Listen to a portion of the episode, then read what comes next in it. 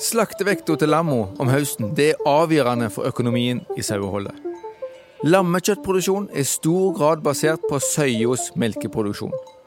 Dyra slaktes unge, og mange er ikke avvent før slakting. Melkeytelsen til søya har derfor enorm betydning for resultatet i produksjonen, og fòring er det viktigste verktøyet vi har til å påvirke melkeytelsen. Når det gjelder fôring av sau, så er det sånt, og det er nesten litt trist, men òg litt fint, at hvis du er god, hvis du først er god, så er det lett. Fordi at du slipper hele veien utfordringene i neste periode. I denne episoden har vi med oss en veldig dyktig veterinær og sauebonde, Åshild Øresland Våge fra Sveio. Hvordan lykkes vi med fôringa i praksis? I dag skal vi snakke om tiltakene som du kan gjøre for å øke slaktevektene på lamma dine. Du hører på podkasten Bondevennen. Mitt navn er Magnus Haugland.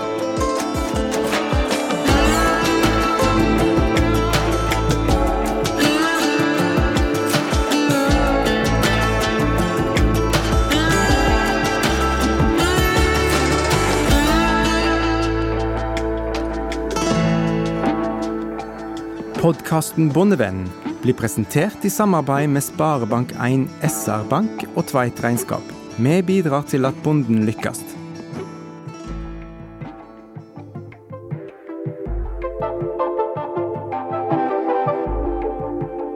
I melkeproduksjon på ku får vi hele tida tilbakemeldinger på om fôringa fungerer. Vi måler melkekvalitet og har kunnskap om hvor mye kua molker, stort sett til enhver tid. I saueholdet kommer tilbakemeldingene ofte litt seint. Hvis søyene har blitt for tynne eller vårvektene er for lave, så har vi allerede havna bakpå. Du hører på Ingvild Luteberget Nesheim. For å få lamma til å vokse, er vi avhengig av ei søye som melker godt. Dette krever god planlegging gjennom hele året. La oss høre på Åshild Våge. Når det gjelder fôring av sau, så er det sånn at alt henger sammen med alt. Og Et eksempel det kan vi ta fra den, en del spennende forskning som er gjort uh, siste åra. Der de faktisk har klart å vise hvordan fòring i seindrektighet og holdmobilisering i første del av laktasjon faktisk kan påvirke kulve, samla kullvekter om høsten. Og vektene til lammet om høsten det vil igjen påvirke de lammene kommer i pubertet. Og det vil påvirke brunst. Og så ut fra hva vekter du har, og hvordan lammet ser ut, så vil dette påvirke fôringsstrategien gjennom vinteren. Og dette, at alt henger sammen, det gjør at fôring til tider er veldig vanskelig, men det gjør det òg enormt spennende. Når vi fôrer sau, fôrer vi grupper av dyr, ikke enkeltindivid. Det kan ofte være vanskelig å vite hva som er årsaken, hvis det er noe som ikke stemmer helt. For stort sett så kom jeg til en bonde som sier sauene mine er for tynne, og jeg skjønner ikke hvorfor de er for tynne. Jeg gir de så og så mye mat. Det er en veldig vanlig problemstilling. Eller lamma går på godt beite, men de vokser ikke. Så Det er en annen problemstilling en møter som, som dyrlege. Så det, det, som blir litt av fokuset eh, når vi ser på det helsemessige med fôringa, det er jo at det du tilbyr, ikke alltid er det sauen får i seg. Og det kan være enkle forhold som dårlige tenner, som gjør at sauen ikke får i seg det den skal, men òg ser vi veldig ofte parasitter. Parasitter er et stort og viktig tema når det handler om sauehelse, og om å få lammo til å vokse. Det er så viktig at vi skal lage en egen episode om det. Derfor skal vi ikke gå i dybden på det i dag. Men òg faktorer som koboltmangel eller eh, kobbermangel som vi òg har i vårt distrikt. Eh, sånn at når jeg kommer som dyrlege, så må jeg veldig ofte undersøke dyra, en del tilfeller ta blodprøver, og finne ut hvorfor vil ikke det bonden gir sauen, resultere i at eh, Eller hvorfor kan ikke sauen utnytte det som bonden gir han? Eh, det er ofte mine problemstillinger som, som, som dyrlege. Men det jeg òg ser, er at veldig mange fôrer òg for dårlig.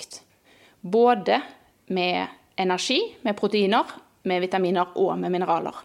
Kanskje vi skal begynne med energi og protein? Hovedfokus i sauefôringa er ofte å dekke energibehovet. Vi vet at sauen har ulikt energibehov gjennom året, alt etter hvor i laktasjonen eller drektigheten sauen er, og at vi derfor må ha en svakere fôring i lågdrektigheten enn rundt lamming. De viktigste periodene i innefòringa er først lågdrektigheten. Da er søya på ferie, nypara og glad. Cirka seks uker før søya lammer er hun inne i høgdrektigheten. Da begynner hun å bli tung, og fosteret begynner å kreve mye fra søya. Så kommer lamminga, og søya starter å melke. Hun er i laktasjon. Og da skal hun yte som en toppidrettsutøver. Ja, og sauen er jo en drøvtygger og får mesteparten av energien sin ifra gras og gråfòr som brytes ned med hjelp av mikroorganismer i vomma. For å finne ut hvor mye energi sauen trenger, så må vi vite alder, hold, antall foster osv. Og vi vet jo at et påsett lam har et annet energibehov enn ei søye som er i godt hold. Men samtidig så må vi huske på at energi og protein er to forskjellige ting. Selv om dyra får passe mengde energi i forhold til uh, hva de trenger, så kan de samtidig få for mye eller for lite protein, og det kan bli en utfordring. I tillegg så må vi ta hensyn til at sauen er en drøvtygger, og at vommo må fungere. Ja, sauen er jo på en måte ei lita ku, og den trenger å ha et godt vommiljø for å være friske og for å utnytte fôret. Det betyr at sauen må få passe mengde fiber i fôret for å få ei god drøvtygging. Du Ingvild, du skal få slippe å ta hele leksa om igjen om vomfunksjon og vommiljø i alle episodene. Hvis du lurer på dette, kan du f.eks. høre på vår første episode Fett er godt betalt. Men hvordan skal vi vite hvor mye energi sauene trenger? Det er gjort masse forsøk for å finne fram til normer, altså regler for hvor mye vi forventer at sauen har behov for. Og de skal vi ta utgangspunkt i når vi lager fòrplan. Og disse normene de finner vi på Google. Eller du kan gå på Vinterlandbruksskolen. Det anbefales. Og Det som er litt interessant, er at det er gjort forsøk som viser at det, det er tydelig positivt å fôre sterkere enn norm på høydrektige søyer. Men det skal vi komme tilbake til litt seinere. I tillegg til energi så har dyra behov for protein. Hva skjer om dyra ikke får nok protein? Unge dyr som er i vekst, som får for lite protein, de vil vokse i bredden i plassen for i høyden. Så de får lavere tilvekst, og du får dyr som er små og feite. Mens hvis søyene får for lite protein, så får de dårligere råmelkskvalitet, og de klarer ikke å produsere nok melk. Ok, for mye protein, da? Ja, Det er jo sløsing. Eh, hvis det er for mye protein, så må dyra bruke energi på å kvitte seg med det. Og Da kan de få diaré, og de får bl.a. dårligere fruktbarhet. Protein består av aminosyrer, som dyra har behov for. Men er det det samme hva slags protein sauene får? Altså, Drøvtyggere har jo den unike evnen at de kan bygge det proteinet de trenger i vomma, hvis de får nok nitrogen, svovel og energi. Så Det betyr jo at sauen kan bygge proteinet av f.eks. ammoniakk. Men høyt utdannede dyr har nytte av å få protein av bedre kvalitet, fordi det er mer effektivt. Hva mener du med god kvalitet på proteinet? Ja, I grovfòret, da mener jeg å sørge for at proteinet er i form av planteprotein, ikke nedbrutt til ammoniakk eller som nitrat hvis vi gjødsler for sterkt eller for nærme opp mot slått. Når det gjelder grovfòr, så er det sånn at vi har mer protein i gress som er hosta tidlig. Det er fordi det er mer blad i tidlig slått grovfòr, og det er i bladene vi finner mesteparten av proteinet. Og så må vi sørge for at proteinet er i form av planteprotein. Når vi gjødsler med nitrogen for tett opp mot slått, så kan vi risikere at plantene ikke får tid til å bygge planteproteinet av det ennå. Og så må vi sørge for at minst mulig av proteinet blir brådet ned til ammoniakk i ensileringsprosessen. Som vi sa i forrige episode, og som vi kommer til å mase om i framtidige episoder, ikke tørk gresset i streng. Da får du mer ammoniakk og dårligere proteinkvalitet. I kraftfôr tilsettes proteinkilder som passer til dyrets behov. Men det kan også behandles sånn at du unngår nedbrytning i vomma, og at det tas opp direkte fra tarmen. og Det øker det totale opptaket av aminosyre. Vi må altså gruppere dyra etter alder, hold og foster. Og når vi har gruppert dyra, og har en idé om energi- og proteinbehovet ut ifra normen, så må vi vite hvor mye av dette som blir dekka av gråfòret. Og der har vi et fantastisk verktøy på nett, gratis for alle, så heter gråfòrmodellen. Der trenger du kun å vite hvor i landet du bor, når du slo, legge det inn, og da får du en veldig god pekepinn på kvaliteten som var i gresset. Den er faktisk så god at den beregner framover, så du kan leke med det når du vurderer når du skal slå. Ja, men det aller aller beste er jo å ta ut en fòrprøve, analysere grovfòret, så vet du mye mer sikkert hvor mye innhold du har av energi og protein. Men en stor utfordring det er jo å vite hvor mye grovfòr dyra egentlig spiser. Det fins jo normer for dette òg. Altså hvor mye grovfòr det er forventa at sauen skal ete. Men vi vet jo at det er stor forskjell på ei lågdrektig søye og ei høydrektig søye i hvor mye du klarer å stappe i de. For det er den høydrektige søya har jo masse foster i buken. Buken er jo ganske pressa, for fosteret tar mye plass og reduserer volumet til vomma. Men det er vanskelig å finne tall på hvor mye det utgjør. Det gjør at fòrplanlegginga blir mer utfordrende i praksis. Og det vi vet, det er at vi må legge til rette for at dyra kan ete så mye grovfòr som de klarer. Og det gjør vi med å sørge for at alle har plass med fòrbrettet samtidig, òg når de er høgdrektige og breie. Og det er ikke bra når høgdrektige dyr må slåss om plassen. Og i tillegg så må det alltid være appetittlig grovfòr på fòrbrettet. Ja, for hvis fòrbrettet er tomt, da gnager det opp innredning og eter opp ullet på hverandre i stedet for. Ja, og det er i alle fall ikke bra. Men disse søyene i lågdrektigheten Vi er jo av og til litt redde for at de kan bli feite når de får fri tilgang. Ja, hvis de får for mye energi, så blir de feite. Men da må du justere kvaliteten på grovfòret, ikke pine de på mengden. Ja, som regel så har vi jo ball, som er slått litt seinere og har mer fiber og mindre energi, og som kan brukes til lågdrektige søyer i godt hold. Kanskje har du noe gammel eng med mye strandrør eller annet utgått gress som gir lågere energiverdi i fôret. Ja, for det er utfordringer både med å være for feit og med å være for tynn. Bare hør på Åshild. Eh, Hvis vi begynner med, med tynne sauer, så vil de få eh, mindre lam. Altså eh, lam som er lettere, har lavere fødselsvekt, som igjen vil disponere dem for, for eh, dødelighet. Eh, Sjansen for å få slappe lam øker. Sauer vil òg være mer utsatt for en del stoffskiftesykdommer. Lammedødeligheten kan øke. Pga. at vi nå vet i hvor stor grad fòring kan påvirke tilvekst gjennom sesongen, så vil faktisk tynne sauer eh, ha en tilvekstproblem gjennom helt til høsten, og igjen med de problemene det forplanter seg. Og ikke minst så har vi dette med jurbetennelse. Som dyrlege så har jeg utallige ganger kommet til en jurbetennelsessau, også når jeg kjenner den på ryggen, så er hun avmagra. Sånn at hold er avgjørende for at ei søye skal unngå jordbetennelse. Og, og holdet er bufferen til søya. Hvis vi ser på for feite sauer, så vil det kunne påvirke fødselsvansker. Det vil påvirke faren for, for sykdom som f.eks. vaginalprolaps. Vi vet òg at en del stoffsykdommer er hyppigere forekommende hos feite sauer. Og vi vet òg at det kan påvirke antall dødfødte. Og her kommer holdvurderinga inn. Vi har snakket med min kollega Ole Arnfinn Røisland i Norsk landbruksrådgivning Rogaland. Når vi snakker om hold, holdvurdering, leser rådgivningsartikler fra Storbritannia, de er store på sau. New Zealand, de er store på sau. Det er det samme som går igjen overalt. Ha kontroll på holdet på sauen. Holdet på sauen skal være 3,5 ifra innsett og helt fram til lemming. Det er rådet i alle verdensdeler. Holdvurdering gir oss svar på om vi treffer med fôringa. Det krever trening å vurdere hold. Dette må øves på i praksis. Holdet er et mål på om dyret har nok kroppsreserve. Og nå kommer det noen tall som kan være greit å huske. Skalaen den går fra 1 til 5, der 1 er avmagra dyr, og 5 er trillrunde flodhester.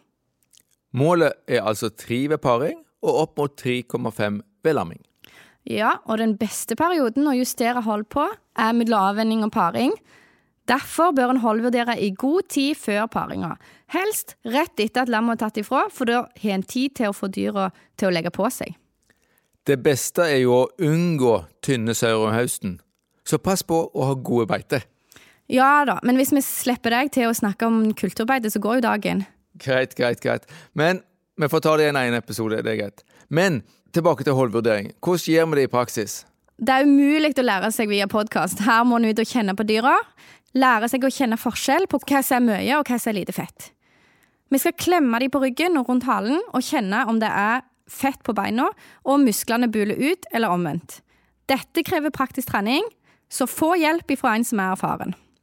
Det tar tid å bygge hold. Hvor mye de legger på seg, avhenger jo av hvor hardt du fôrer. Men det tar opp mot fem uker å justere et halvt holdpoeng. Ole Arnfinn sa til meg at et holdpoeng er 13% av kroppsvekta til sauen. Så for ei søye på 90 kilo, så vil det si at hun må legge på seg nesten 12 kilo hvis hun skal legge på seg et holdpoeng. Ja, og det koster penger. Har du 200 søyer, og 100 av de er tynne når de kommer hjem fra beite, så gir det en ekstrakostnad på 25 000 i kraftfôr å fôre de opp ett holdpoeng. Og nok en grunn til å satse på gode kulturbeiter. Ja, ja, ja, ja, ja. Men poenget er at det er viktig å holdvurdere søyene for å vite hvem vi skal ha fokus på å fôre opp, og hvem som eventuelt er for feite.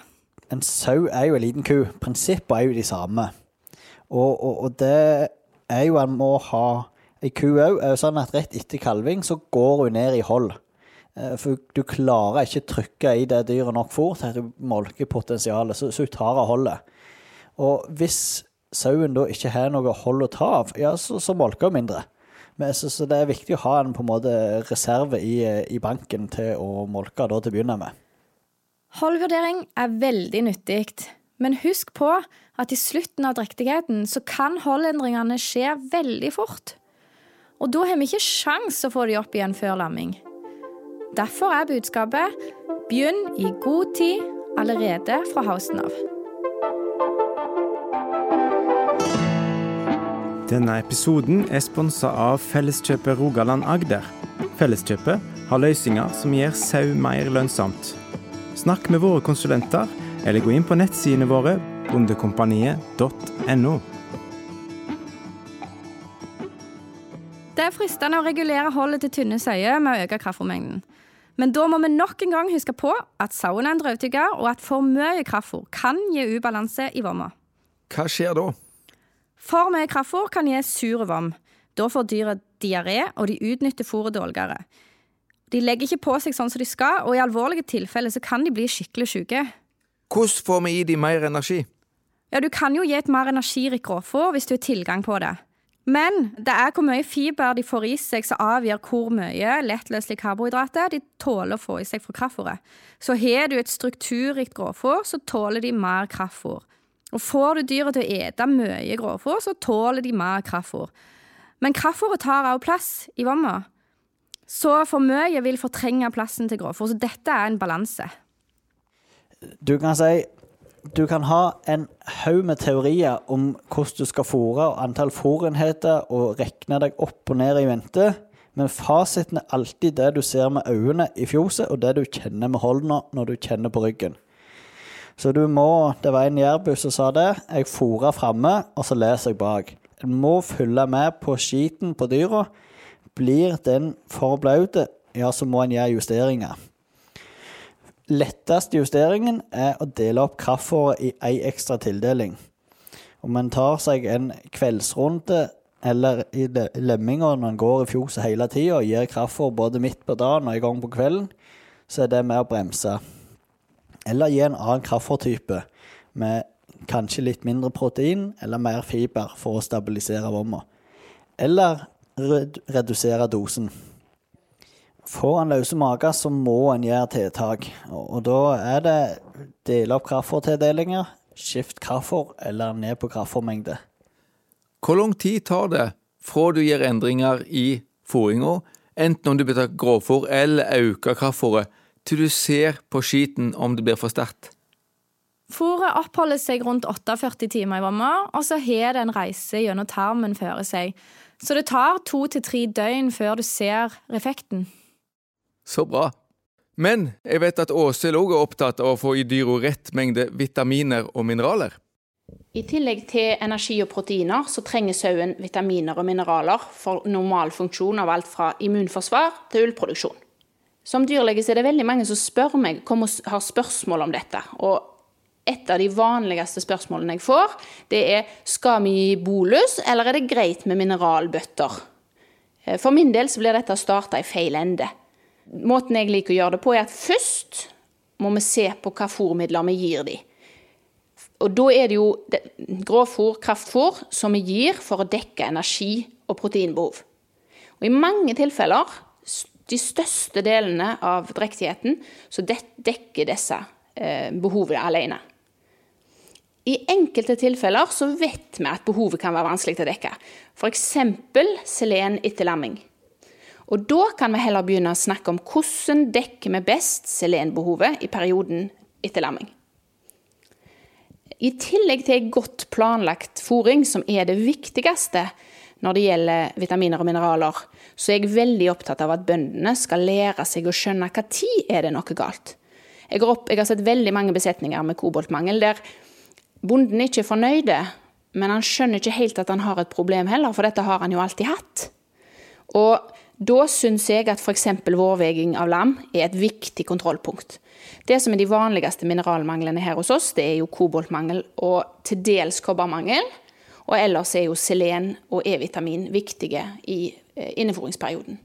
Ingvild, dette har du jobba masse med. Kan du forklare hvorfor det er et problem med E-vitamin i inneforingsperioden? På beite så får jo dyra masse E-vitamin gjennom gresset, for ferskt grønt gress inneholder mye E-vitamin. Men når vi tørker gresset og legger det i ball, så forsvinner mye av E-vitamin i den prosessen. Og dermed så blir det lettere mangel på E-vitamin i inneforingsperioden. Er dette noe vi skal tenke på i hele inneforingsperioden, eller er det perioder vi skal være ekstra obs? Når det nærmer seg lamming, så øker behovet for E-vitamin hos dyra drastisk. Og i mange tilfeller så er vi nødt til å gi rent E-vitaminpulver for å få i de nok, rett og slett.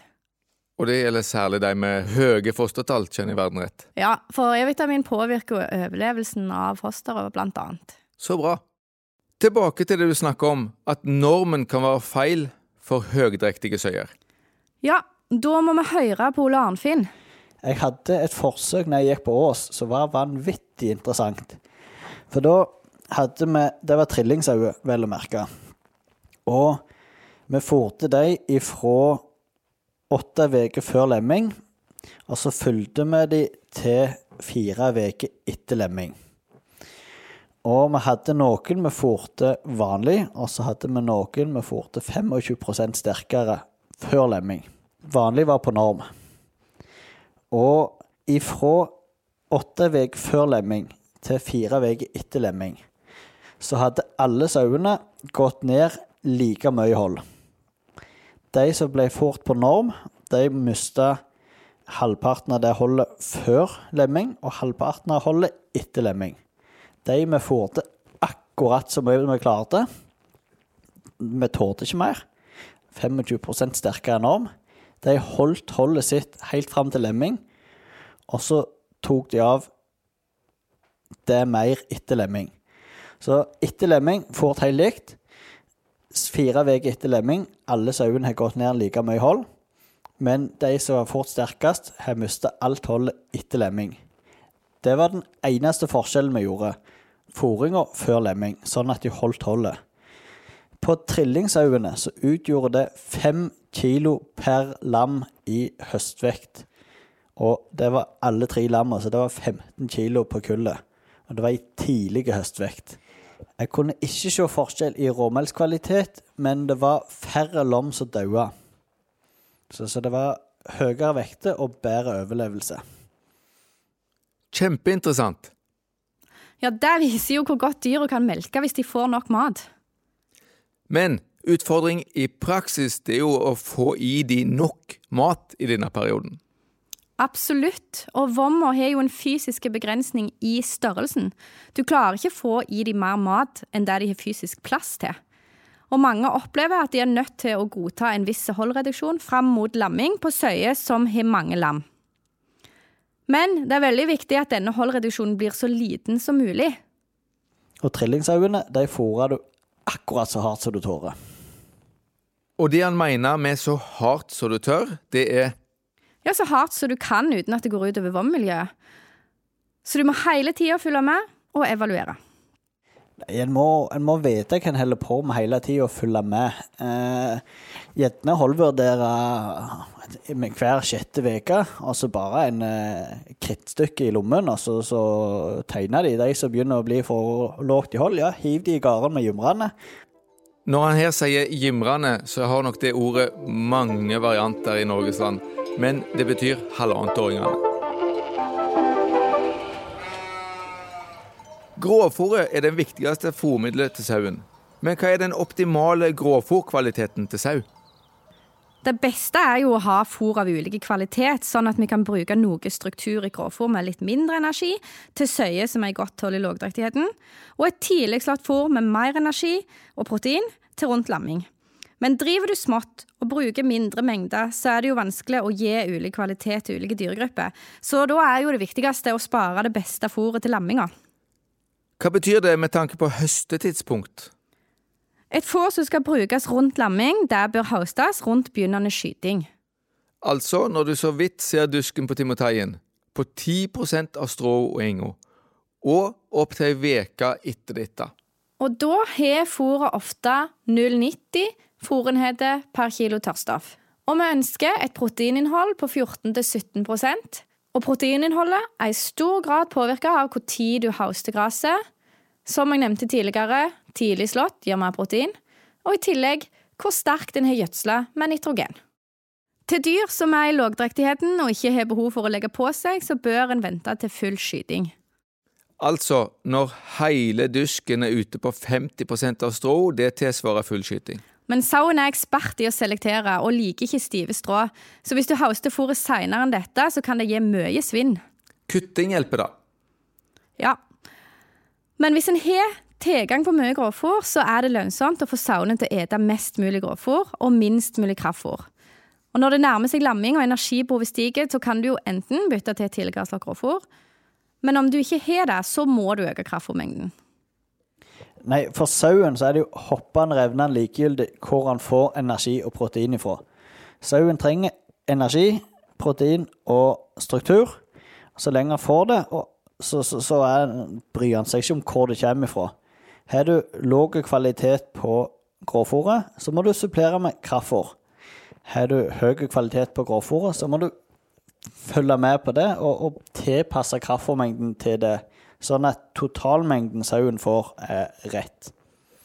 Mange er skeptiske til å bruke tidlig slått fôr i lamminga fordi de er redde for sur vann, som kan gi diaré og skitne binger.